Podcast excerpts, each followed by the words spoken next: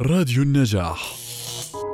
يعد الرابع والعشرون من آذار من كل عام اليوم الدولي للحق في معرفة الحقيقة فيما يتعلق بالانتهاكات الجسيمة لحقوق الإنسان واحترام كرامة الضحايا.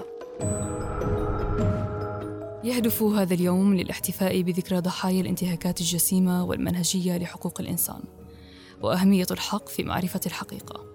وإقامة العدالة والإشادة بالذين كرسوا حياتهم لتعزيز وحماية حقوق الإنسان للناس كافة وجادوا بأرواحهم في سبيل ذلك.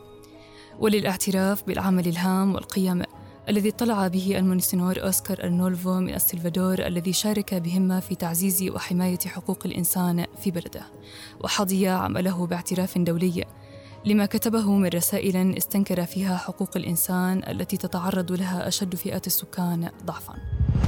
يذكر بأن لجنة تقصي حقائق خاصة أنشئت في السلفادور ووفقاً لاتفاقيات المكسيك المؤرخة في السابع والعشرين من نيسان من عام 1991 للتحقيق في أعمال العنف الخطيرة التي حدثت منذ العام 1980 والتي تطلب تأثيرها على المجتمع معرفة عامة وعاجلة بالحقيقة. ووثقت اللجنة في تقريرها الصادر في الخامس عشر من مارس من عام 1993 الحقائق المتعلقة باغتيال القوات المسماة فرق الموت الموالية لحكومة المونيسينور أوسكار أرنولفو الذي قتل قنصا فيما كان يحتفل بيوم القداس في الرابع والعشرين من مارس من عام 1980